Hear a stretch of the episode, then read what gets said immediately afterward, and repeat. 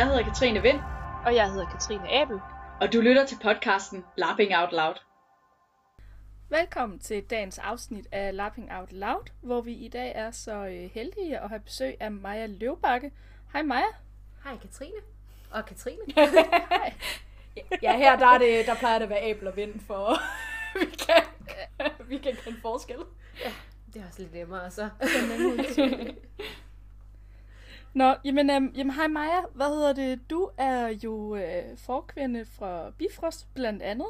Øh, men vil du ikke øh, sådan lige ud over det fortælle lidt, lidt om dig selv, lige som en start? Jo, ja, altså jeg er 29 år og forkvinde for Bifrost, og ikke forkvinde andre steder, men, øh, men øh, jeg har været med i en del organisationer igennem, øh, gennem de mange år, jeg har været i rollespilsmiljøet. Øh, jeg har siddet i øh, hvad hedder nu, øh, Næstved Rollespilsforening, som jeg også har været med til at starte, og så har jeg siddet med i, øh, hvad hedder det, øh, Bifrost Venner, som, øh, som jeg også har været med til at starte. En, en lille venneorganisation af Bifrost. Øhm, og så har jeg øh, i mine unge dage, dengang jeg var teenager og tidlig i 20'erne, har jeg været med til at arrangere noget, noget rollespil. Øhm, men lige nu laver jeg mest organisatorisk arbejde, og så, ja, og så er jeg øh, mor til en datter på et. Så, ja, så det tager også masser af min tid. Som også spiller rollespil. Hun er i hvert fald med til rollespil, og hun har en, øh, en, en holdning omkring rollespil, og når vi andre spiller. Øh, og hvorvidt hun spiller roller, det, det var nok lige lidt tid endnu, før hun, øh, før hun rigtig ved i hvert fald selv, at det er det, hun gør. Ja, altså til et hobbit i sommer, der synes jeg, hun var den, der levede sig mest ind i sin rolle som baby. Det, er- Det er, altså. ja, og en baby hobbit. ja, det var, det var populært blandt spillerne Der blev spist meget. fra alle steder. Så du, har, du snakker meget om det organisatoriske arbejde her, og det er selvfølgelig også det, vi skal snakke mest om i dag. Men øh, hvordan startede du med at spille rollespil i sin tid? Åh, oh, ja, men det, det gjorde jeg, da jeg var 12. Øh, eller jeg begyndte måske lidt med noget rollespil lidt tidligere end det. Øh, jeg har en lillebror, der er to år yngre end jeg. Og, øh, og han, øh, jeg ved ikke, jeg tror det er, da jeg var en 10-11 år, øh, der havde han hørt om det der Dungeons and Dragons fra en af sine venner, og de havde vist prøvet at spille det derhjemme, men det havde ikke rigtig lykkes, og han kunne, vi havde ikke nogen bog, og vi havde ikke noget sådan rigtigt. Øh, men han fortalte en hel masse omkring, hvordan det der med, at man sådan, man spillede, man snakkede omkring, at man, øh, man, man slås som svær, og øh, man lavede de her, øh, øh, var i de her spændende verdener med drager og det hele. Øh, så vi spil, startede rent faktisk med at være game master for min lillebror, med et spil, som bare var mig og ham. Nej, Så, øh, så jeg lavede nogle historier, øh, og havde lavet et kæmpe kort, øh, og havde ligesom tegnet øh, hvad, øh, hvad hedder det, bjerge, og jeg havde øh, hvad hedder det nu, sådan lavet byer på kortet, og så, øh, og så kunne han så rende rundt i den verden, og, øh, og så øh, sagde han, hvad han ville gøre, og så fortalte jeg, hvad der skete, og, øh, og hvor han kom hen. Jeg har ingen idé om, hvor, øh, hvor godt et rollespil det var, øh, og hvor meget af det, der var øh, historiefortælling, bare mig og ham imellem, og hvor meget der var, øh, der rent faktisk var sådan... Du er simpelthen, øh, du er simpelthen verdens sejeste storsøster, Maja. Ja, det, ja, det ved jeg ikke. Han synes det, jeg var det. jeg synes bare, det var super sejt. Øhm, og så var, det, så var det jo ikke værre bedre, end at så hørte han selvfølgelig også om live-rollespil. Og så sagde han, øh, spurgte han øh, mig, da han skulle afsted første gang, om jeg selvfølgelig ikke ville med. Og øh, så tog jeg med, og skulle, bare, altså, jeg skulle bare aflevere ham sammen med min mor. Og så var der en anden pige, og da hun så mig, så blev hun så lykkelig. hun var bare sådan, nej, der er en anden pige. og så skyndte hun sig over til mig og sagde, ej, jeg er så glad for, at der er en anden pige. Og jeg var sådan, jeg, skal- jeg skal rent faktisk hjem, jeg vil bare aflevere. Så sagde, nej, nej, nej, nej, bliv, bliv, bliv. Jeg har en kjole med til dig. Så, og, så, øh, og så tog jeg en kjole på, som hun, havde, øh, som hun lånte mig, og så blev jeg der hele dagen. Øh, det var sådan en, øh, øh, det var nede i Moonlights i Næstved, som det hed, hvor man spillede fra sådan noget klokken øh, halv syv til klokken 9 om aftenen, ikke? så det var sådan to, to og en halv time eller sådan noget. Så, øh, men det var bare så sjovt. og, øh, og så havde jeg jo bare fået en ny bedste veninde. så øh, ja, det var, det var en øjenåbner, og jeg, og jeg følte mig, man følte sig set på en helt anden måde, den der med, at man kom ned og oplevede, at det, at det bare var øh, både drenge og piger, og i, i flere forskellige aldersgrupper, der legede sammen. Og så led jeg mig bare fuldstændig ind i det der to, to og en halv timers rollespil, med, hvor vi var i nogle meget specifikke piger, som ville nogle meget, meget specifikke ting, men jeg kan også, som jeg overhovedet ikke kan huske nu. og det var, det var så, da jeg var 12 år. Hvordan kom du så ind i Bifrost regi? Det gjorde jeg, da jeg var 19 øh, i 2009. Jeg kan faktisk ikke huske, hvordan, øh, hvordan jeg blev opmærksom på Bifrost, men det har helt sikkert været igennem Piger i Panser. For jeg, har, jeg havde været med til, øh, til Piger i Pansers krigslife-tur, hvor vi, den første tur der, hvor de var, var ude som, øh, som Sisters of Sigma. Ja. Øhm, og så lærte jeg jo en hel masse københavnere at kende. Øh, og en hel masse folk, der brugte tid på, øh, hvad hedder det, på Bifrost. Øh, og så tog de mig jo med til, øh, til generalforsamlingen, spurgte om vi ikke ville med. Vi sad jo med i bestyrelsen for øh, Næstved Rollespilsforening. Ja. Så jeg, øh, ja, jeg, havde, jeg, havde, jeg tror endda, jeg havde spurgt min formand på det tidspunkt, om han ikke kunne melde mig til, og så blev det lige glemt. Så hoppede jeg med, som øh, jeg tror, for delegeret fra Harskoven i sin tid. Så blev jeg meldt ind som suppleant. så kom du direkte ind. Ja. Som det jo nogle gange sker, når man tager afsted til de der, de der ting, så lige pludselig så er man jo involveret i alt muligt. Jo, det er som om, når man først er havnet i en bestyrelse, så havner man helt automatisk i alle mulige andre bestyrelser også. Det, folk skal bare have nogle gode argumenter og en virkelig sej forening, så øh, lige pludselig så har man, er man blevet overtalt til at tage noget ansvar, så man ikke helt ved, hvad man siger ja til er. ja. Men for at tage tingene i den rigtige rækkefølge her, øh, hvad er Bifrost egentlig? Ja, men Bifrost det er øh, landsorganisationen øh, for kreativ udvikling af børn og unge. Eller det er, hvad den hedder i hvert fald. Øh, hvad den rent praktisk er.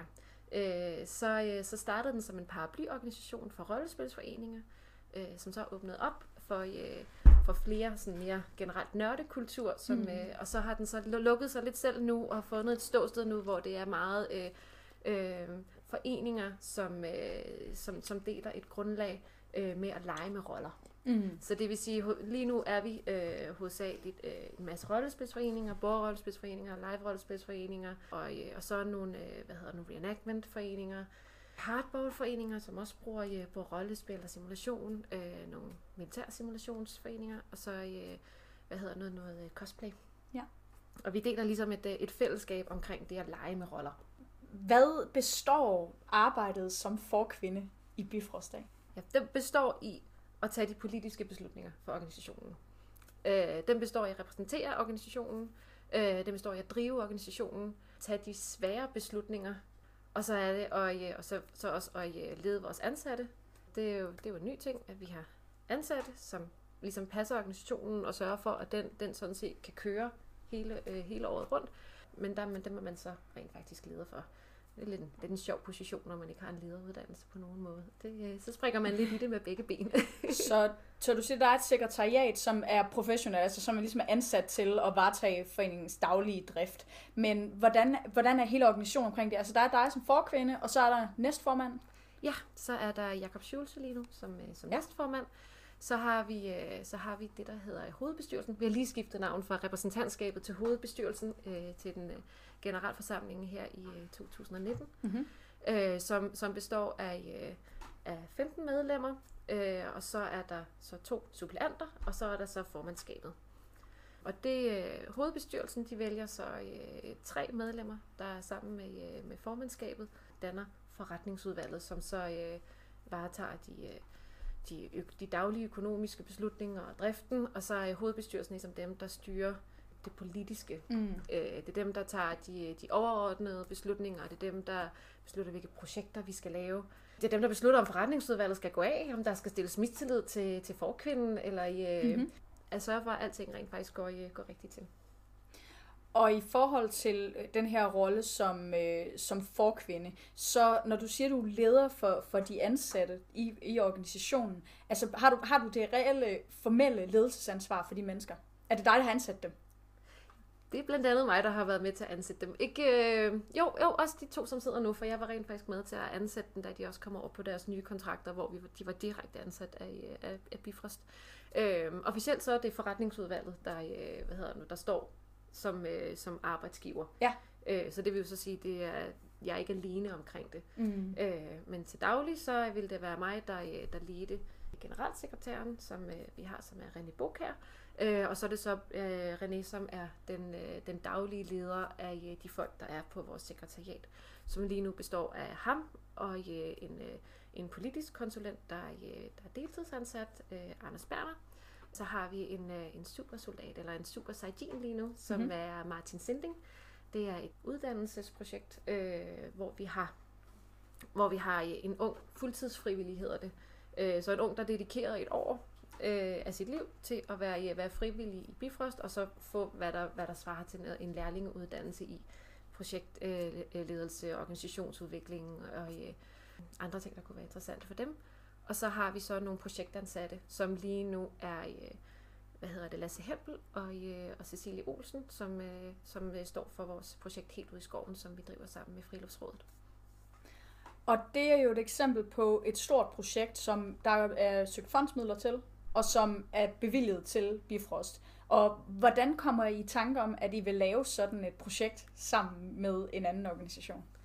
Men det er, jo, det er jo de frivillige, der beslutter, at det vil de gerne. Enten de frivillige eller de ansatte, ikke? Som, øh, som beslutter sig for, at vi, vi vil skulle gerne lave det her projekt, hvor kan vi søge de her penge hen? Øhm, og så skriver de en ansøgning, og så øh, inden de skriver ansøgningen, eller efter de har skrevet ansøgningen, så, øh, så kontakter de så os og, øh, i forretningsudvalget, eller øh, mig som forkvinde, eller René som generalsekretær, og lige og høre, om Bifrost har lyst til at være med. Og, og så tager vi en beslutning alt efter, hvor stort projektet er. Så tager vi en beslutning enten i forretningsudvalget eller i, eller, eller i hovedbestyrelsen omkring, hvorvidt det er øh, det, det projekt, vi gerne vil være samarbejdspartner på, eller vi vil gerne vil, vil tage noget ansvar for det, eller om det er os, der skal drive det alene. Øhm, og så bliver øh, øh, ansøgningen selvfølgelig sendt ind, og så øh, forhåbentlig får man pengene. Og, øh, og når pengene så er kommet på for eksempel sådan et, et projekt som Helt ud i skoven, som er et millionprojekt, hvor der er, hvor der er ansatte på, øh, så, øh, så, har, så er det som oftest dem, der har søgt projektet, som ligesom er jeg man sige, de er selvskrevet til projektet, dem der ved mest omkring projektet, og det er dem, der brænder for, at det, det projekt skal blive til noget, så, øh, så det er som oftest dem, der har hvad hedder det, forret til at blive ansat. Men hvis de ikke er interesseret i det, eller der på en eller anden måde er problematisk, så, øh, så ansætter, går vi så i gang med en, en åben ansættelsesproces på det. Okay. Så hvad er et godt projekt i Bifrost Regi, synes du? Åh, oh, hvad definerer et godt projekt? et, øh, et godt projekt, det er et projekt, der øh, udvikler landsorganisationen. Det er et projekt, som giver noget til landsorganisationens udvikling, som, altså dens organisationsstruktur, øh, som, som er noget, som øh, lokalforeningerne virkelig får nytte af. Øh, de kan se det, det giver de ved. Og det er et projekt, som, øh, som udbreder øh, kendskabet om, omkring Bifrost. Jeg vil jo sige et, øh, et virkelig, virkelig godt projekt. Øh, vi har, vi har været, ikke, det her, hvor det ikke er Bifrost, der har drevet det, men hvor Bifrost har været samarbejdspartner på. Det har jo været Orkerne Kommer, mm-hmm.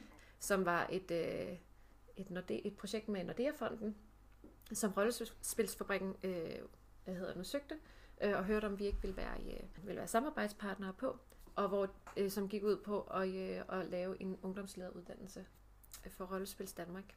Og det gjorde de jo så. De har jo så lavet en sammenbygget en sommerskole op, og de har bygget arrangørkurser op, mm-hmm. og også, de har også haft nogle scenariekurser, og har været med til at hjælpe unge arrangører med at komme i gang med at for eksempel arrangere sådan noget stort som, øh, hvad hedder det, som Chris Live og Sunfall. Og, øh, øh, og har støttet... Fået udgivet en bog. Projekter. Ja, og har fået udgivet en bog. Det er helt rigtigt. Ej, ja, vi har da fulgt lidt med på sidelinjen i hvert fald. Jeg vil sige, det er også et af de projekter, der har været svært at komme udenom. Og det er jo så også noget af det, der definerer et godt projekt. Det er, at det er et projekt, der er godt, øh, hvor der også er noget PR øh, skrevet ind. Ikke? Og der er nogle... Øh, jeg, jeg vil jo selv sige, når det er kæmpe store projekter, så, øh, så synes jeg også, det er gode projekter, hvor, at der er, hvor der er øh, nogle, øh, enten nogle fuldtidsfrivillige, eller, øh, eller, eller nogle ansatte på. Fordi når vi først begynder at komme op på projekter, som er, er i hvert fald over en halv million, så, så er det nogle projekter, der virkelig skal levere nogle resultater, og som kræver rigtig meget arbejde at gøre. Og det, det er noget, der dræner frivillige. Ja, dokumentation og så videre tilbage til fondene. Og... Ja, dokumentation og, og, og den der med, at det som ofte så, det var jo ikke bare lige en uge eller en måned, øh, og det er jo ikke et altså arrangører vil kunne skrive under på, hvor, hvor, hvor drænende det er mm. at skrive det, må du selv vide. Øh, hvor, hvor, hvor, hvor, hvor mange kræfter det tager at, at, at, at bygge noget op for bunden af, og, men, men lige så meget bare at være vedholdende omkring det. Mm. Og det er endnu mere, når det så også er organisationsarbejde, og man, altså, undervisning for eksempel, eller øh, at blive ved med kontinuerligt i måske tre år og skulle rekruttere frivillige til at hjælpe sig med at gøre noget for en, som måske ikke nødvendigvis er det, er det fedeste arbejde, men som gør noget skide godt for, øh, for en hel masse mennesker. Ja. Ja, Ja, og, og altså, øh, for lige at, at gå tilbage til det, du sagde i starten, så skriver man en ansøgning. Altså, bare den del af processen er jo også nogle gange altså ugers fuldtidsarbejde. Så det er jo, det er jo nogle kæmpe projekter, I laver indimellem. Ja, måneder også. altså, det er altså bare... Ja, ja. Altså den der med at få et, øh, få et projekt til at passe med, hvad man rent faktisk gerne vil, hvad fonden giver penge til, øh, mm. og også hvad der er realistisk. Ja, men også, altså, hvad, hvad de ligesom vil acceptere, at man så faktisk bruger pengene til, når man har fået dem. Fordi det er jo fint nok at have en idé, men, men man skal jo bare være pindød klar over, at når man får fondspenge på den måde, så skal de bruges på lige præcis den måde, pengene er givet. Så man kan ikke, altså, man, man er ret bundet, når man først ligesom har sat sit øh, koncept op. Ja, meget. øhm, og så er det jo også en... Det er, jo, ja, ja, det er også lidt en kunst, den der med at lære at søge fonde. Altså, der, man, bruger nogle, man bruger et særligt sprog, øh, og, man, og der er bare mange... Jeg ved ikke, hvad man skal kalde det. tavsviden. Hvad kalder du det? Tavsviden. Ja, tavs viden omkring det, men, men også en, en men man skal, man skal føle, hvad, hvad er det for en fond, men man skal også føle, hvem er det for nogle mennesker, der rent faktisk bedømmer projekterne. Mm. Altså, er det, er, det en, øh, er det en ansat, der sidder og læser dem igennem, og, øh, og kigger på en checkliste, og, øh, eller, eller er det nogle frivillige, som, som skal kunne føle, en, at, at hvad man rent faktisk virkelig, virkelig gerne vil med det her, mere mm. end måske hvorvidt det, det føler 100% op til kravene. Er det en fond, der måske har sine egne visioner, altså som, som skal skinne igennem, mm. ikke? og man skal, man skal ramme de, de rigtige buzzwords, for at de ligesom forstår det. Og så skal man jo heller ikke undervurdere, at, at når vi snakker rollespil, at det er virkelig svært at forklare folk, hvad rollespil er, Mm-hmm. og hvad Ja. det kan gøre, Ja. og, og hvordan man bruger det som et redskab.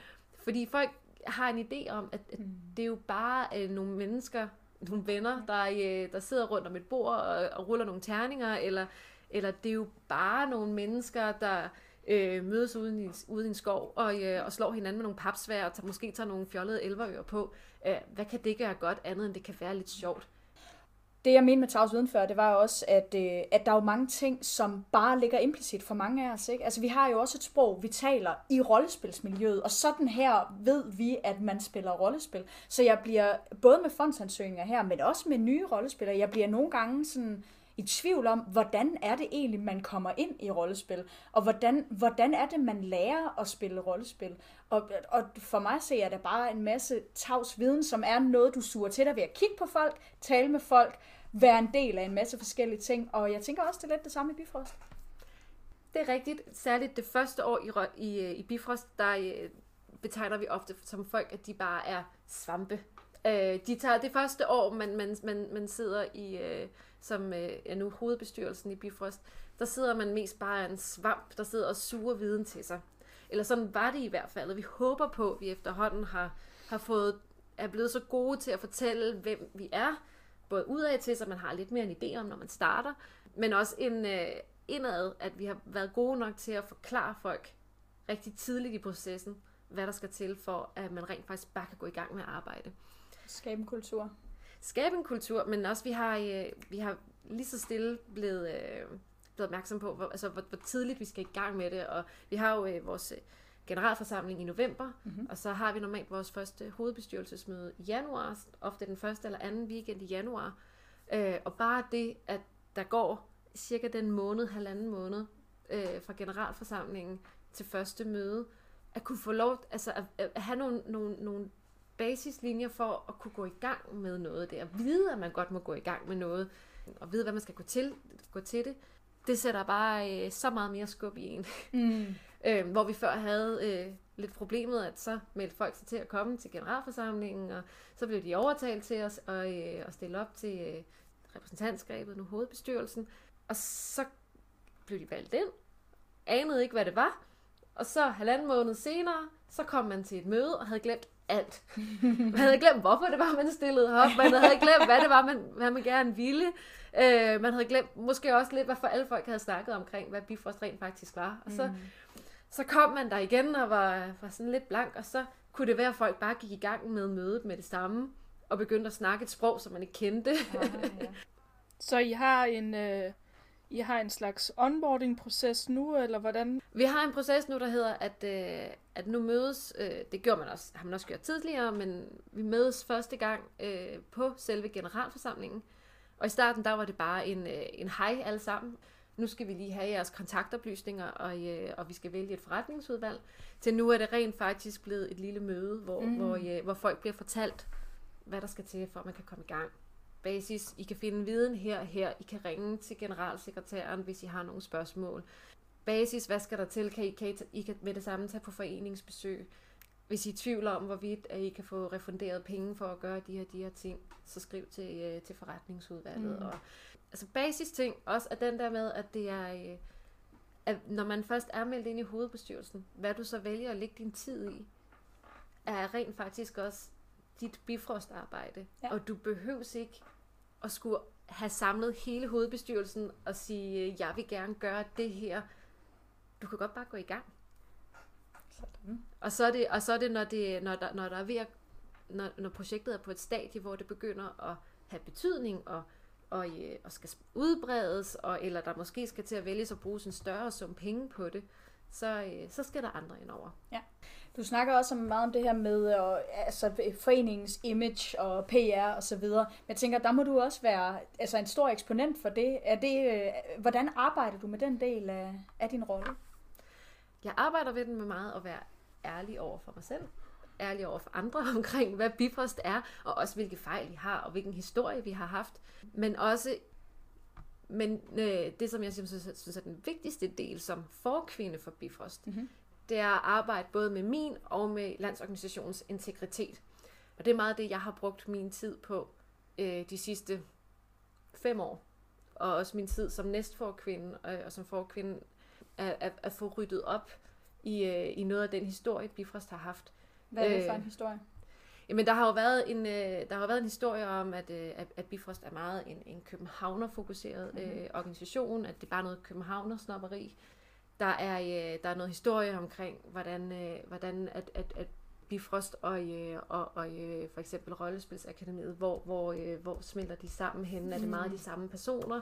Øh, særligt fordi øh, vi har jo haft øh, Anders Berner som formand. Han var rigtig, rigtig dygtig formand. Og samtidig med, at han jo selvfølgelig også har et firma, der hedder Rollespilsakademiet. Ikke? Mm. Og, som, og, og, og som selvfølgelig har nogle overlap og man har nogle forskellige hatte, man skal have på. Øh, og, der, og der er jo blevet taget nogle valg, som, som er blevet taget for det bedste af Bifrost. Mm-hmm. Øh, blandt andet så havde vi øh, så købte øh, landsorganisationen, købte øh, René Bokær, øh, vi købte ham som, øh, som generalsekretær af Rollespilsakademiet. Mm. Øh, og det er sådan noget, vi har arbejdet med, at, ligesom at få sat nogle, nogle, nogle vandtætte skodder op imellem organisationerne, så der ikke er nogen tvivl om, hvor ligger, hvor ligger loyaliteterne henne, hvem, hvem, hvem, hvem betaler hvem, mm. og hvad betyder det. Fordi det var helt klart den bedste, bedste ting for Bifrost, at få nogen, der var super dedikeret. Øh, fordi vi købte både, både René, og så købte vi hele øh, det skidesæt, som, øh, som akademiet kunne give os. Ja. Øh, fordi de så kunne internt, så kunne de sidde og skifte timer med hinanden. Men det betyder jo også, at man så sidder, hvem, hvem, hvem, hvem arbejder rent faktisk for Bifrost? Arbejder Anders Berner for Bifrost? Arbejder Claus Rosted for Bifrost? Ja. Arbejder, ja, arbejder nogle af de andre for Bifrost? Eller, eller hvem arbejder de rent mm. faktisk for? Hvor nu har vi jo så fået en struktur, som hedder, men vi har René, som han er fastansat under Bifrost. Ja. Det er Bifrost, der betaler penge direkte til ham. Mm-hmm. Øh, han arbejder ikke for, øh, for Rollespilsakademiet. Nej. Øh, og det har ligesom været, det har været en proces, som har, øh, som har krævet penge, fordi dengang blev, blev, øh, var det den bedste beslutning, fordi vi havde en meget begrænset periode, eller meget begrænset pengepulje, mm-hmm. øh, og det var simpelthen den måde, vi kunne få bedst, bedst udnytte de penge, og den bedste, det bedste tilbud, vi kunne få. Ikke? Så, så det, det er i hvert fald noget af det, jeg har arbejdet på. Men, også i, men ellers så er det så løbende, så er det jo hver gang, vi tager en beslutning i hovedbestyrelsen, hver gang vi tager en beslutning i forretningsudvalget, og hver gang øh, jeg øh, og, og Jakob tager en beslutning internt omkring, hvad vi gør, og hvad vi tager valg, Mm. altid sidde og tænke det etiske ind i. Altid sidde og tænke på, hvordan forklarer jeg det her for nogen, som sidder i Jylland? Hvordan forklarer jeg det for nogen, som øh, har et, øh, et meget negativt billede af Bifrost? Hvordan forklarer jeg det her over for dem? Øh, og hvordan kan jeg forklare det på dem, øh, over for dem, hvor jeg er ærlig? Mm. Øh, altså, det, det nytter ikke noget at prøve at, at, at dække noget. Folk kan mærke så snart, den prøver på at dække noget. Folk kan mærke så snart, der er der er noget, der er uærligt. Og det gør, at det skaber mistillid, det kan skaber gnidninger, mm. det gør, at man ikke, man ikke, altså, når der først kommer gnidninger, så, så, så, så begynder folk at miste øh, lysten til at arbejde med en. Og vi lever jo af frivilligt arbejde. Mm. Vi lever af, at vi kan inspirere de frivillige ude i lokalorganisationerne til at hjælpe os Mm. med at være en landsorganisation. For vi kan ikke være en landsorganisation for en masse lokalforeninger, der ikke har lyst til at have noget med os at gøre. Er det, er det hårdt at blive stillet personligt ansvarlig over for de beslutninger, der bliver taget? ja, det er det. Og det er også derfor, det er vigtigt, at man kan stå ved sine beslutninger. Ja. Og hvis man ikke kan stå ved sine beslutninger, så må man skynde sig at få det ændret. Altså, vi bliver alle sammen klogere. Øh, og hvis, man, hvis, man, hvis det går op for en, øh, når man sidder og snak- snakker med folk, at noget simpelthen er uhensigtsmæssigt, at noget simpelthen ikke er tænkt ordentligt igennem, så må man gå tilbage og sige, det bliver vi nødt til at have ændret. Det kan ikke være rigtigt, det skal være på den måde. Er der, er der nogle gange, der har påvirket altså dit privatliv eller dit forhold til, til venner og, eller mennesker i rollespilsmiljøet øh, at sidde i den position og tage de beslutninger? Ja, det har det. Øh, jeg vil jo sige, vi har, øh, der har været meget øh, kontrovers omkring vores, øh, øh, vores supersoldatprojekt, øh, som, er, som er et super fedt projekt, som har øh, øh, som er inspireret af øh, spejdernes givet år, Mm-hmm. øh, som er, hvor, øh, hvor man, hvor man øh, ansætter nogle unge til at lave frivilligt arbejde. Og det lyder kontroversielt, fordi man siger, hvordan kan du ansætte nogen, hvor, hvor, hvor de får en løn? Øh, og det er fordi, det, det, er, det er sådan set, at man ansætter folk til at lave frivilligt arbejde, siger, at du har en stilling, hvor du skal lave noget, du bliver undervist i noget, men du bliver så kompenseret for det med nogle penge. Men det er selvfølgelig en utrolig lille sum i forhold til, hvad du normalt ville blive betalt for, for et rigtigt arbejde. Øh, og det er jo kontroversielt at sige, men, men, men arbejder de ikke? Og hvor, altså, hvad, hvor, hvorfor, hvorfor gør I det her? Hvorfor er det, I ikke har en, en, en høj løn, som, som, mm. som, som passer til en, øh, til en lærling? Øhm, og vi har jo lavet projektet i øh, det første, de første år lavede vi projektet, hvor det var øh, hvor det var fundet af DUF, hvor de havde en øh, øh, de har en, en maksløn på hvad, hvad man må få, som svarer til en SU. Ikke nej, en maksløn, øh, som de fonder. Um, og da vi jo ikke havde så mange penge, så, så var det jo selvfølgelig det, de fik, hvad der svarede til en SU. Og det er jo ikke, altså hvis du gik ud og skulle have et arbejde, hvor. Ja. du bare bliver betalt en SU, det er jo ikke fair. Altså, der var nogen, der kaldte det social dumping i sin tid, ikke? Altså, der var nogen, der kaldte det social dumping, og, øh, og i hvert fald ikke noget, som, noget som, som de havde lyst til, at de kunne stå ved. Og det kan jeg godt forstå. Mm. Det, som vi har brugt det til, det er, at det her, det her det er et projekt, som, som er til at, øh, at skulle uddanne unge. Øh, og det er et projekt, som skal bruges til, at vi, at vi er med til at, at, øh, at udvikle organisationen også. Øh, vi sad med en, øh, med en ikke, ikke fuldtids generalsekretær, da vi startede med det, øh, som følte sig meget alene omkring sit arbejde og havde brug for nogen, der kunne hjælpe med at, at få gang i det. Vi havde brug for flere hænder, øh, og vi havde prøvet og prøvet og prøvet at få de frivillige til mm. at, øh, at, at lægge mere og mere arbejde i det, men det er hårdt at være altså en landsorganisation. Det er ikke det mest sexede arbejde i forvejen, øh, og når man så også skal til at lægge, lægge, lægge også det, det mere kedelige arbejde, mm. øh, altså administration, så, så, så mangler man bare hænder konstant. Og det var en måde at få, at få en mulighed for rent faktisk at kunne lave nogle, øh, nogle udviklingsprojekter også i Bifrost, som var drevet af de ansatte, Mm. øh, og få tid til at lave det. Øh, som var, altså, nu får vi nogle unge mennesker, som har lyst til at gøre det. Men vi har jo så også, en af grundene til, at jeg jo så også har kunne forsvare det, er jo også fordi, at vi bliver nødt til at starte et sted. Mm. Og, øh, og vi er alle sammen bevidste om, at det er, det er slet ikke ideelt. Der er ikke nogen grund til at prøve at dække over det. Jeg siger, hvis jeg, hvis jeg kunne, så vil jeg, så vil, så vil jeg give dem øh, en virkelig, virkelig god løn. Øh, jeg vil give dem en, en fuld lærlingeløn, og det er det, vi har, øh, vi har vi arbejder os hen imod. Mm. Øh, men vi bliver nødt til at starte et sted, ja. Ja. og med, med en organisation, som knap nok havde tid, eller som ikke engang havde råd til at have en fuldtidsansat generalsekretær, så slet ikke råd til at, øh, at, at give penge i løn, som vi, slet, som vi ikke havde. Men det udvikler sig år efter år, og nu har de, har, de har stødt fået, fået mere og mere i løn. Øh, nu er vi oppe på, at øh, hvad hedder det, den super team, vi har nu, fordi han bare er en enkelt person i stedet for to, hvor vi arbejder også op mod lærlingeløn. Det er det, det, det, som vi i hvert fald prøver at Ja. drive det mod. Lige nu, lige nu er han oppe på, øh, på 10.000 om måneden, Ja. øh, som jo så er, er, er dobbelt, næsten dobbelt så meget som det, som de startede på i sin tid. Og så arbejder vi har jo selvfølgelig hele tiden arbejdet på, at de skulle få så mange øh, goder, de har kunnet få. Ikke?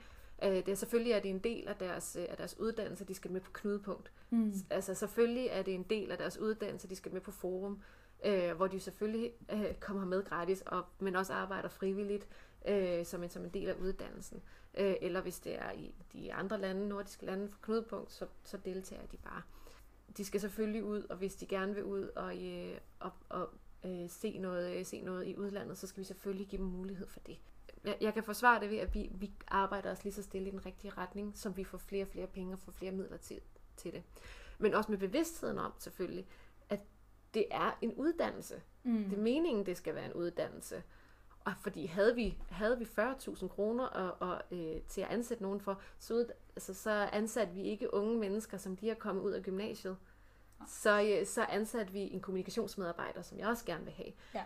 Så der, der er forskel på, hvad det er, alt efter hvad det er for nogle penge, man har, men også hvad er intentionen rent faktisk med det, man laver. Og det, og det, er sådan, det kan være hårdt at stå for, for. Og jeg har, jeg har venner, som er meget, meget, meget røde. Og, øh, og, og selvfølgelig er, er meget imod mod projektet, og også synes, at det er social dumping. Og dem har jeg haft mange diskussioner med også. Mm. Og nogle af dem, der, der har det også sat nogle skår i forholdet, helt sikkert. Altså, det skal ikke øh, være nogen hemmelighed, at, øh, at jeg i hvert fald er, er meget øh, begejstret for din åbenhed omkring alle de her beslutninger, der skal tages osv., og, og at, at det, det giver jo også en forståelse, det der med, hvad for en vej er vi på vej nedad efterhånden. Men hvis jeg lige må skifte lidt spor over til ja. øhm, lokalforeningerne, Ja. så, øh, så vil jeg egentlig gerne høre lidt mere om, hvordan fungerer det helt konkret med samarbejdet mellem Bifrost og lokalforeningerne, og hvad er den daglige kontakt osv.?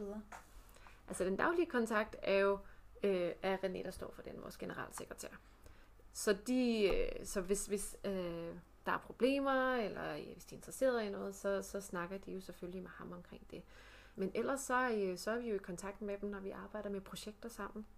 Øh, så det er, når, når vi, og, øh, ja, og projekter, der skal der jo selvfølgelig så ses som både vores egne projekter, projekter vi samarbejder med, øh, og projekter, som spørger ud, har I nogen, der kunne være interesseret i det her? Øh, så jeg sidder normalt ikke til daglig og sidder og snakker med lokalforeningerne, men vi har selvfølgelig, har selvfølgelig altid nogle folk derude, fordi det er jo også det, vores hovedbestyrelse gør. Øh, det er, at de er ligesom nogle lokale repræsentanter for Bifrost derude, som skal være tilgængelige for folk til at snakke med. Mm. Fordi det vi har fundet ud af, er, at uanset hvor meget vi siger, øh, bare ring til os, hiv fat i os, vi vil så gerne snakke med jer, vi vil så gerne hjælpe jer, uanset hvad det er, selv hvis vi ikke kan finde ud af at hjælpe jer, så vil vi gerne prøve alligevel. Så, så ringer folk ikke nødvendigvis alligevel, fordi det, det kræver noget Mm. at samle, en, en, samle telefonen op og ringe til nogen, som man ikke kender. Ja. Men der er noget uvidshed der, som, som, som kan være en barriere, hvis ikke problemet er stort nok, eller hvis man simpelthen ikke tror på, at organisationen kan hjælpe. Hvad bruger lokalforeningerne så til? De bruger os til alt. altså det er, det er alt fra øh, at lægge vægt bag deres ord, når de snakker med kommunen. Mm-hmm. Der hjælper det altså bare lidt mere, at man ringer op og siger, hej, jeg kommer fra øh, Landsforeningen Bifrost. Øh, vi hører, at I ikke vil give lokaler til, øh, til vores øh, lokalforening. Det ved I godt, at I skal. Mm. og, øh, og, og kan sidde og snakke omkring, med, omkring, øh, omkring lovene og, og, og hvordan, øh, hvad, hvad deres forpligtelser rent faktisk er. Og hjælpe os med at komme igennem byråkratiet til, øh, det kan også være konfliktmæling. Øh, hvis der er konflikter i, øh, i foreningerne eller imellem foreninger. Det er ved personsager, øh, vejledning omkring det, sparring omkring det, men også en, øh, øh skabe noget opmærksomhed omkring det. Er det ikke også sådan noget som øh, forsikringer? Jo, så er vi selvfølgelig, vi har en værk, når du er medlem af Bifrost, så, øh, så øh, er det også en del af vores, øh, vores forsikring, hvor vi har en forsikring af alle de frivillige, men også en, en forsikring af, hvis du holder arrangementer, hvor der kun er Bifrost medlemmer, som selvfølgelig er ikke bare medlemmer af din egen forening, som er medlem af Bifrost, men også andres foreninger, som også er medlem af Bifrost, de er også alle sammen Bifrost medlemmer. Så hvis du holder et arrangement, hvor der kun er Bifrost medlemmer, så, så dækker forsikringen også skader, der sker på, på, på lokationen. Så, så det er der også. Så der er selvfølgelig spørgsmål omkring det. Indtil videre har vi ikke øh, haft nogen forsikringssager, og det er jo, øh, det er jo desværre sådan med forsikring, at indtil man har en sag, og der er skabt præcedens for, hvordan der bliver, øh, øh, der bliver dømt, hvad, hvad, der, hvad der dækkes og ikke dækkes, så, øh, så har vi ikke så meget erfaring. Men, øh, men den erfaring, vi har, er den rådgivning, vi, øh, vi får fra øh, forsikringsselskabet om, hvad de dækker. Og der, øh, der siger de alt, hvad der, øh, alt, hvad der går i stykker op til, øh, op til 10 millioner på, øh, på en lokation der, så længe det er alle medlemmer. Og, øh, og så øh, selvfølgelig, hvis øh, nogen som helst frivillige, uanset om de er medlemmer af foreningen eller ej, hvis de arbejder frivilligt for foreningen, hvis de kommer til skade, så er der sådan en arbejdsskadeforsikring. Øh, forsikring. Ja, den ved jeg i hvert fald, at, øh, at vi bruger hos øh, Alea i forhold til øh, festivalarrangører. Ja, og det er, og det er også et, et, et lovkrav nu, at man skal have, øh, at, at forsikringer øh, skal for, kunne forsikre deres frivillige. Øh, og så alt efter hvad man laver, så er det selvfølgelig dyrere eller mindre mm. dyrt. Der er, øh, vi, har, vi har jo selvfølgelig et problem med, øh, med nogle af de med do, nogle af de organisationer, som laver noget, noget lidt andet arbejde. Mm. Øh, eller noget, noget andet arbejde. Øh, selvfølgelig frivilligt arbejde, men dem, som laver øh, nogle lidt andre aktiviteter, som er lidt vildere. Ja, som øh, Milsim og sådan noget. Som Milsim for eksempel. Ja. Øh, eller, eller, jeg ved ikke, hvor meget Milsim, men i hvert fald hardballforeningerne. Ja. Øh, men så har vi til gengæld, så er vi altid med til at kunne, øh, gennem vores forsikringer, kunne give billigere forsikringer. Ja. Så, og det er også, hvis der man skal holde et stort, øh, en stor konference, øh, hvor der også kommer folk, der ikke er medlemmer, øh, så er vi jo også en, altså kan vi jo også skabe, øh, hvad hedder noget, øh, billigere tilbud, fordi vi kommer som, som en stor kunde, øh, eller større kunde i hvert fald, som hvis man kommer som en lille forening på 60 personer, ja. eller 10 personer. Jamen, jeg vil øh, øh, høre om sådan hvad, altså diversiteten på jeres forening, altså hvor, hvor mange medlemmer er der i den mindste forening, og hvor mange medlemmer er der i den største, og hvor mange foreninger cirka har I, har I Bifrost? Lige nu har vi oh, skal jeg passe på, det ændrer sig jo hele tiden. ja. uh, Bare sådan cirka tal. Ja, så, så lige nu mener jeg, at vi er 68 foreninger. Og skal jeg lige passe på. Ja, vi, ja for vi, vi er stedet ret meget, men hvor der er vist nok fire af de foreninger, der er i gang med at lukke ned. Øh, vi, vi har sådan en, vi, vi, vi får løbende okay. sådan nye foreninger, og så er der nogle foreninger, der, øh, der efterhånden, hvis det er, de ikke har kunnet holde et, øh, eller få lavet et, øh, et generationsskifte, så lukker de ned. Ja. Øh, eller også så fusionerer foreninger. Øh, det har jo også sket nogle gange. Det skaber også ja. lidt færre foreninger. Øh, men men det, det har holdt sig ret stabilt i nogle år nu på, øh, på, på, på nogen af 50, og så, øh, og så, er det, så er det steget her i løbet af, af det sidste halvandet år, der har vi fået rigtig mange nye med ind. Så hvor, hvor store og små er foreningerne? Det er, det er helt ned fra øh, ja, under 10 personer mm. til, øh, til øh, vi er Rollespilsfabrikken, der er vores største, som er 1000, 1100. Jeg må ikke hænge mig helt op på det, det svinger over os ind, øh, år for år. Øh, så, så vi har de, de store foreninger, er som oftest dem, der, der, der er over 200 personer. Hvordan i forhold til selve Bifrost, hvordan bliver man aktiv, hvis man nu gerne vil tænke, hvis man nu tænker, det der hovedbestyrelse, det er lige mig. Hvad, hvad gør man så? Jamen, så kommer man jo selvfølgelig på generalforsamlingen.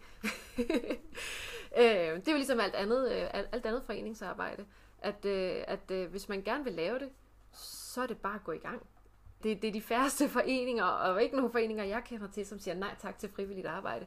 Hvis man, hvis man har lyst til at lave noget for en forening, så skal man, øh, så skal man jo bare gå ind i foreningen og sige, hej, jeg vil gerne hjælpe, hvor kan jeg hjælpe? Og så er der som oftest nogen, der, øh, der kan sætte ind i gang med noget. På samme måde foregår det i Bifrost. Hvis man siger, hej, jeg er super interesseret i øh, det her projekt, I laver, hvordan kan jeg blive involveret? Så skal vi nok finde en måde at involvere folk på. Den nemmeste måde er selvfølgelig, hvis der man sådan gerne vil gøre det formelt, så er ved at, at komme på generalforsamling og blive meldt ind i hovedbestyrelsen. Men vi har også øh, udvalg og arbejdsgrupper, hvor man ikke behøver at være en del af hovedbestyrelsen mm. for at være en del af.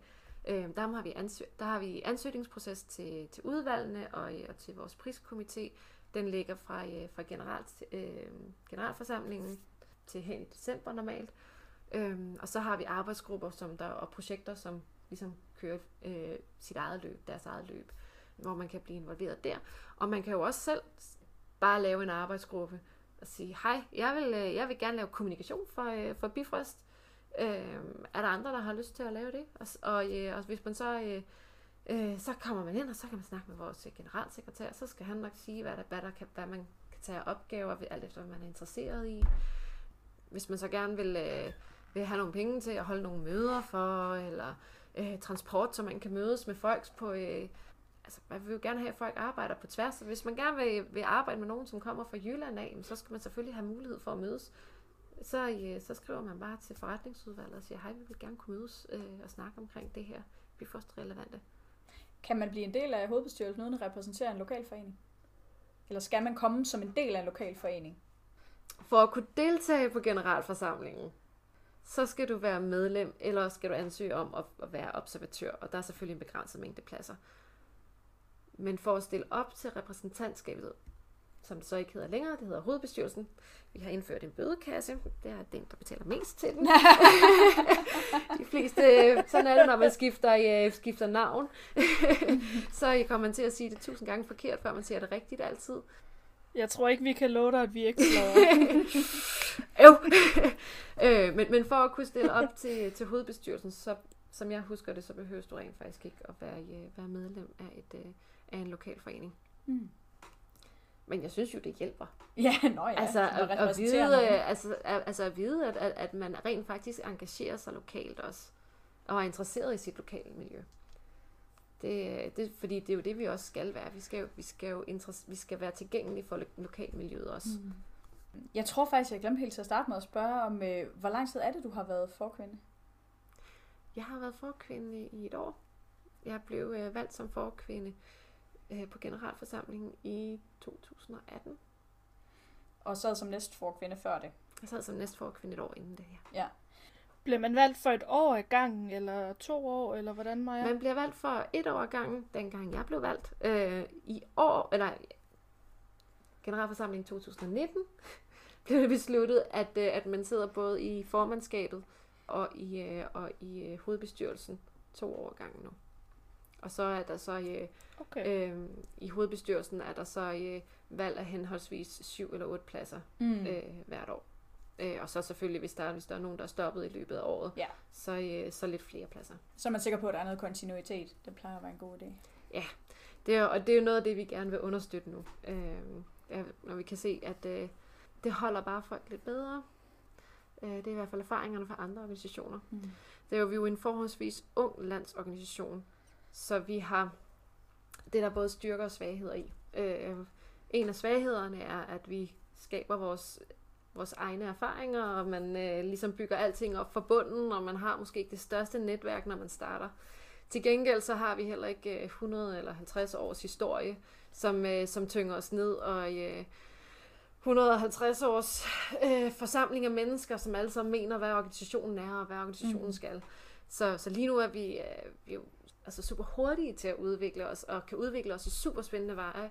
Og, øh, og når man så sidder i hovedbestyrelsen øh, og er aktiv i Bifrost, så har man rent faktisk også en helt utrolig stor indflydelse på Bifrost, fordi der er ikke der ligger ikke 100.000 procedurer Mm. eller, eller, eller øh, regler eller idéer om, hvordan det skal gøres. Man, man kan rent faktisk være med til at, at påvirke processen nu, Ja. og være en del af det nu, og man kan rent faktisk, altså bare på, på et år kan man se forskellen med bare en enkelt ændring.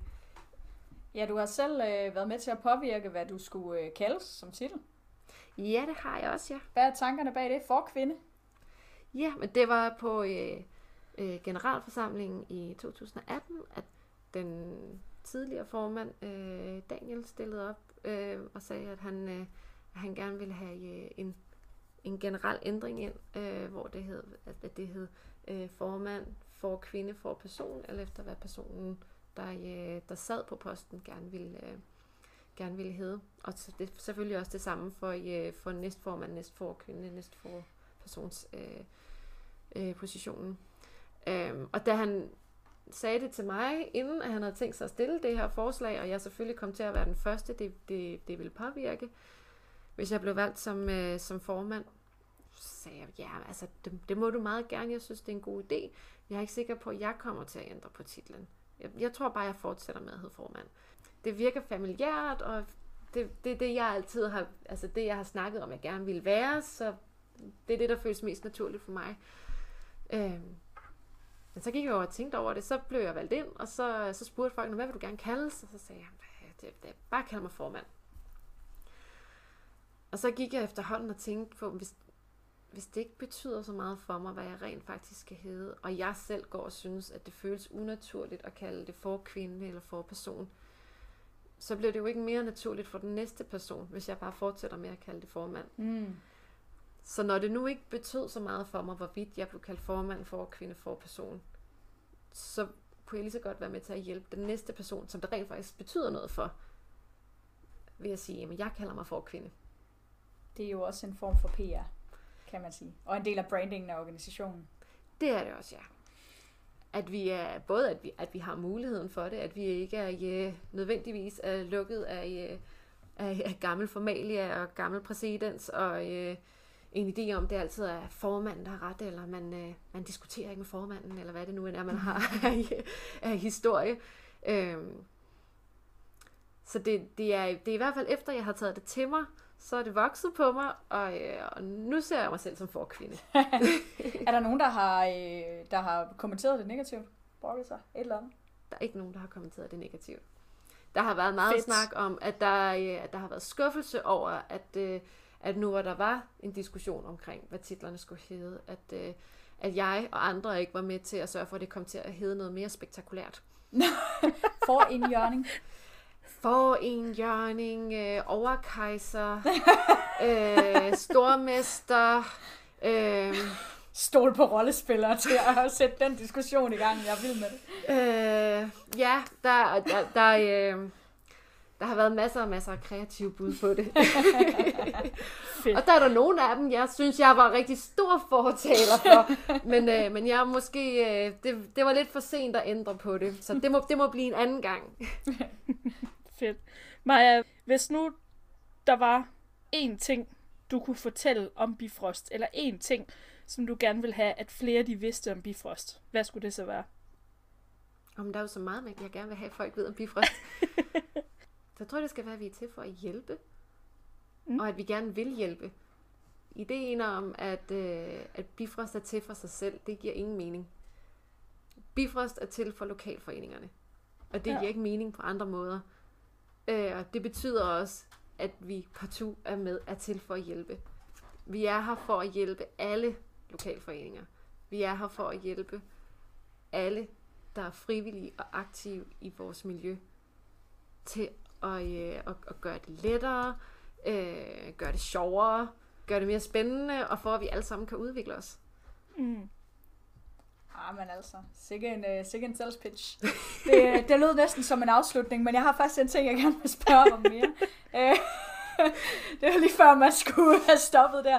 Men jeg synes bare, der er et emne, der hedder forum, som jeg er øh, meget begejstret for selv, som jeg rigtig gerne vil, vil tale lidt med dig om. Fordi øh, man kan sige, forum har jo været det, haha, forum, hvor Bifrost ligesom har foldet sig ud lidt bredere, hvor lidt flere får et dagligt indblik i noget, som Bifrost på en eller anden måde har en aktie i. Men jeg har faktisk blevet spurgt af flere om, hvad er egentlig Bifrosts rolle i forhold til forum? Fordi det er der mange derude, der ikke ved. Ja, men det er, jo, det er jo fordi, at Forum er startet på samme måde som stort set alle andre projekter øh, i Bifrost. Det startede med, at der er nogen, der har fået en idé, og så har de gjort det. Og så, øh, og så øh, har Bifrost været, øh, været enten dem, der bare har givet penge til det, og klappet i deres hænder over, at det er sket, eller også har det måske startet med slet ikke at være en del af, øh, af Bifrost, og så, øh, og så er det senere hen blevet givet til Bifrost, og så har vi kørt det videre. Nu kan jeg selvfølgelig ikke huske helt præcist, hvordan forums aller, aller først startede. Øh, men da jeg begyndte at, øh, at være aktiv i Bifrost, så startede det som, at det var en, en selvstændig projektgruppe, der organiserede det for Bifrost, men hvor at man ligesom søgte Bifrost for nogle penge til at, øh, til at dække omkostningerne. Og i starten, så, så var det sådan set mest bare en øh, Bifrost giver, jeg tror det var 15.000 til, øh, til forum, øh, så organiserer forum øh, sit deres event, så det gerne skulle gå i nul, og så blev øh, de 15.000, de blev bare smidt direkte over i, øh, i Bifrost-puljen, øh, som er en pulje, vi har, der, øh, der, der man kan søge, alle lokalforeningerne kan søge, øh, og så kan man få op til, op til 5.000 til at lave et, et fedt projekt for, i sin lokalforening. Så det var ligesom en måde at sige, at vi, øh, vi, vi skaber nogle penge til den her pulje, og samtidig så laver vi et super, super fedt event, øh, som skal, øh, som, som skal øh, uddanne folk, og som skal øh, skabe netværk øh, mellem, mellem, mellem alle rollespillere. Så i starten havde Bifrost som sådan ikke rigtig nogen rolle, udover øh, at der blev givet penge, og på den måde også dækket et underskud, hvis det skulle være der. Men, men det er jo, som, som der er sket med mange af tingene, så, så udvikler det sig. Øh, og Forum øh, har udviklet sig til, til at det er ligesom øh, Bifrost flagskib. Det er vores, øh, det blev diskuteret som, at det, det er vores... Øh, det er vores årsmøde. Ja. det, det er vores årsmøde for, øh, for vores medlemmer. Og det er ligesom der, hvor, hvor man skal snakke Bifrost, man skal, man skal snakke uddannelse, man skal snakke, øh, hvor skal vi alle sammen hen? Hvad synes vi, der er spændende at bruge tid på? Det er Bifrosts øh, folkemøde. Ja, det kan man også godt kalde det. Bifrosts folkemøde. Det er der, hvor alle skal, alle skal kunne være med. Men det har jo også ændret sig med, hvad, altså, hvad visionen for forum har været, fordi hver, hver projektgruppe, hver arrangørgruppe har haft deres egen vision for, hvad forum sådan set har skulle være. Og den har mere eller mindre involveret øh, noget omkring Bifrost. Øh, nogen har været meget med, at vi skal skabe meget netværk, og vi skal være meget sociale, og nogen mm. har været meget fokuseret på, at det er uddannelse og udvikling af, øh, af arrangører. Så, så den måde, som Bifrost er, øh, er en del af forum på øh, nu, og har været det de sidste par år, det er, at det er hovedbestyrelsen, som vælger, hvem der arrangerer forum. Så på et tidspunkt i løbet af året, det er som oftest øh, lige efter det øh, forum er afholdt, så, øh, så bliver der skrevet ud på, på Bifrosts øh, Facebook-side, hvis du er interesseret i at, øh, at arrangere forum, øh, så, øh, så meld dig under fanerne. Mm. Det, man behøver ikke at vente på, at, at, at Bifrost skriver ud og siger, øh, kom, kom og meld jer under fanerne, mm. hvis I gerne vil arrangere forum. Man kan også bare komme op og snakke med, med os i formandskabet, eller, eller med nogle af de ansatte, eller andre i, i hovedbestyrelsen, og sige, at man rent faktisk gerne vil. Øh, hvem, er man, hvem, hvem, hvem vil man gerne arrangere det sammen med? Og så når øh, der bliver holdt det, det sidste hovedbestyrelsesmøde, som ligger som oftest i oktober, så bliver, øh, så bliver alle de grupper, som man har hørt fra på den ene eller på den anden måde, så bliver de ligesom inviteret til at komme til mødet og præsentere deres vision. Mm. Øhm, og i de fleste tilfælde, øh, har der kun været én gruppe, måske ja. to grupper, øh, og nogle gange har de to grupper, så snart de ligesom har meldt sig under fanerne, så nogle gange har de snakket sammen og ligesom kunne finde en fælles vision og øh, et fælles fundament for at arrangere det. Øh, men så kommer man ligesom op og siger, hvad, hvad vil vi gerne lave, og så, øh, og så siger hovedbestyrelsen, øh, i hvert fald hvis der kun er én, så er det som oftest, øh, ja selvfølgelig vil vi gerne støtte ja, men der bliver også stillet spørgsmål til, hvad er det, og, mm. og videreudviklet på det, og sagt, vi ser gerne, det går i den her retning. Ja hvis, hvis vi har nogle erfaringer fra sidste år, eller ja. vi har noget strategi, vi gerne vil, øh, vil have forum til at hjælpe til med at implementere. Og, og så har Bifrost ellers ikke blandet sig særlig meget andet, end at vi så bare har givet penge til projektet, og har det givet underskud, så har vi været nødt til at dække mm. det. Men det er jo så ændret sig lidt. Vi oplevede øh, i år, eller undskyld, det var sidste år, øh, 2019, 2019 ja. at, øh, at øh, det meste af arrangørgruppen hoppede fra øh, mm. rigtig sent. Øhm, og så var der øh, den person, der ligesom var tilbage, spurgte ligesom, om han måtte få lov til at fortsætte med at lave det, og han havde sin vision for, at det selvfølgelig blev lidt mindre, men, øh, men også, at, at, at han havde vision for at få det, til at, det, få det hele til at løbe rundt, og hvor han selv kunne være med til at arrangere det. Øhm, og det sagde, øh, det sagde vi forretningsudvalget god for. Altså, det, hvis, øh, hvis, hvis han mente, han kunne, han kunne gøre det, så var det ville i hvert fald være en længere proces at skulle finde ud af, hvem der så skulle øh, mm. arrangere det. Øh, så vi vil, og vi stolede på ham selvfølgelig. Han har arrangeret forum før, så, øh, så hvorfor skulle han ikke kunne gøre det igen? Øh, og så skete der desværre... Øh, det skete ikke værre bedre, end at han fik job i Grønland. Ja. Og så er det svært, og, øh, og selvfølgelig også rigtig, rigtig dyrt at komme til Danmark og skulle arrangere et event. Øh, og det bare det selvfølgelig præg af. Der, der var vi så heldige, at næstformanden kunne hoppe ind og, og hjælpe mm. til med at arrangere. Og det var, og det var et, et lille intimt event, og, øh, og der, var, øh, der var nogen, der var, der var meget stor kritik af, hvordan, øh, hvordan det blev kørt, fordi det ligesom mm. selvfølgelig har været et, et projekt, der har kun udviklet sig til at blive større og vildere ja. de sidste mange, mange år. Og lige pludselig er vi så kommet, øh, kommet tilbage til et langt mindre ja. deltagerantal, og, og også langt mindre ambitioner selvfølgelig. Ja, og ikke særlig god kommunikation må jeg altså sige udefra set. Altså, det, der, uh, Lapping Out Loud skulle have været der og havde sendt noget ind i forhold til det, men uh, vi besluttede os faktisk aktivt for ikke at komme. Uh, Og det var der mange grunde til der. Men, men det er jo også, når man netop får lavet så godt et event, som det var i 2019, eller 2018, undskyld, hvor det bare var altså, en kæmpe fest, og så mange deltagere, der nogensinde har været, og altså fantastisk arrangement på mange måder. Så, så var det jo virkelig en kontrast. Og det er der en masse grunde til, og det skal ikke være et personangreb, men det var sgu en anden følelse også set udefra. Og det er der ikke nogen tvivl om. Øhm, og det, jeg tror, det gode, der kom ud af, øh, af, øh, af Forum 2019, er, at det øh, for Bifrost, så blev der skabt en bevidsthed om, at der er altså virkelig nogle forventninger derude. Mm. Der er nogle forventninger til projektgruppen, der arrangerer det. Øh, og ikke bare de forventninger, der kommer fra hovedbestyrelsen, men der er også en hel masse forventninger fra miljøet. Mm. Og det synes jeg er super, super fedt. Ja. Jeg synes personligt, det er noget af, øh, noget af det fedeste at finde ud af. Det er lidt trist, den måde, vi fandt ud af det på. Ja. men, men, men det synes jeg er noget af det fedeste at vide, at der er den her opbakning ja. om, pro- om projektet. Og at det ikke bare er øh, nogle få mennesker og deres venner, som, øh, som tager afsted til det her projekt. Mm. Det er rent faktisk et Bifrost-projekt. Og det har vi jo så også taget konsekvensen af, og har rent faktisk omstruktureret Bifrost, og hvordan Forum er integreret i, i Bifrost. Så nu har vi et, øh, et uddannelses- og aktivitetsudvalg, som øh, Forum ligger ind under. Øh, og det uddannelses- og aktivitetsudvalg, de er ansvarlige for Forum og også en række andre Bifrost-projekter, at kvaliteten lever op mm. til, hvad det skal, og de er, så er der til løbende at monitorere det. Og så har vi også lagt en, øh, en masse, øh, blandt andet også fordi vi havde et kæmpe, over, øh, kæmpe underskud på, øh, på knudepunkt i, øh, sidste år også, øh, som, som gik ind rent faktisk og havde øh, ret store konsekvenser for nogle af de andre mm. aktiviteter i Bifrost.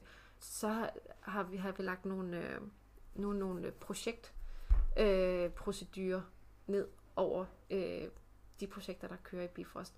Øh, og det, jeg vil sige, havde var det sket for øh, fem år siden, at, Mhm. at vi havde taget nogle valg omkring, at, øh, at projekter nu for eksempel skal indlevere i øh, løbende budgetter, øh, og at, at vi rent faktisk blander os i kvaliteten af projektet. Ej, der var mange, der havde syntes, det havde været fuldstændig uhørt, Ja, men nu er det rent faktisk fuldstændig Ja. Ja, overvågningssamfund, det var altså, og, og hvordan kan vi tillade os at blande os i Ja. det, og, og jeg kan også godt huske nogle grupper, som øh, på nogle projekter, som, som har været meget, øh, der, de har følt sig godhjertet, når de har, når de har, når de har kaldt tingene for Bifrost-projekter, for de har ikke set sig rigtigt som Bifrost-projektgrupper. De har set det mere som, at øh, Bifrost eller noget har fået lov til at, at stå som arrangør af det, ikke? Men jeg er mega, mega glad for at høre det her. Og Abel, skal vi ikke give hinanden håndslag på, at øh, vi dukker op til øh, forum og laver et øh, afsnit derfra? Okay, om det har jeg allerede. Og jo, jeg har allerede lovet flere personer, jeg nok skal dukke op i år. Så Jeg synes da i hvert fald, det kunne være vildt fedt. om det er planen. Det er planen. Festival og forum, det, der, det skal vi afsted til. Det lyder mega godt. Jeg glæder mig til at se, og så. Jamen, Jeg vi glæder mig også til, i år skal jeg rent faktisk være der på forum også. Sådan. Er der, øh, der kan være, der lige var en baby i vejen også. ja, det var der. Det, det var i hvert fald noget, der tog noget opmærksomhed, og generelt har taget noget opmærksomhed her det sidste år. Men altså, det kunne godt se ud til med alle de ting, vi gerne vil tale med dig om, at vi bliver nødt til at have dig forbi igen, Maja. Nu har vi snakket i over en time, så jeg tror, vi skal til stille og roligt lukke ned. Jeg vil bare sige tusind tak for, at du vil komme og tale med os. Det er super spændende, og tusind tak for ærligheden. Det gør virkelig en forskel at, at høre nogle af de her ting, også dem, der er lidt svære, fordi så forstår man også bedre, hvordan man kan, man kan støtte op om det. Og jeg er i hvert fald rigtig glad for, at vi har en forkvinde som dig. Jo, mange tak. Øh, og jeg, jeg er bare glad for, at øh, jeg har været med til at tage nogle beslutninger, som selv når de er svære, så, øh, så kan man snakke omkring dem. Jeg i hvert fald, jeg, jeg lægger ikke skjul på, hvad det er, at vi, vi tager beslutninger. Og derfor vil jeg også, hvis det er, man på nogen som helst måde er i tvivl omkring, hvorfor en beslutning er blevet taget, hvad er baggrunden for den, kom endelig til mig og snak med mig om det.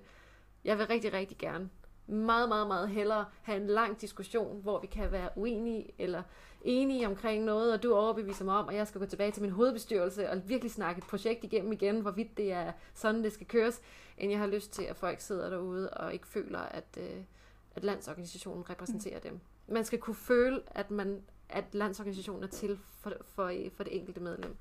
Øhm, og det håber jeg virkelig på, at vi kan opnå i fremtiden.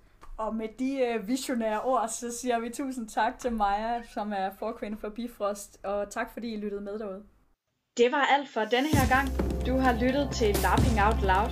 Mit navn er Katrine Vind. Og jeg hedder Katrine Abel. Tak fordi du lyttede med.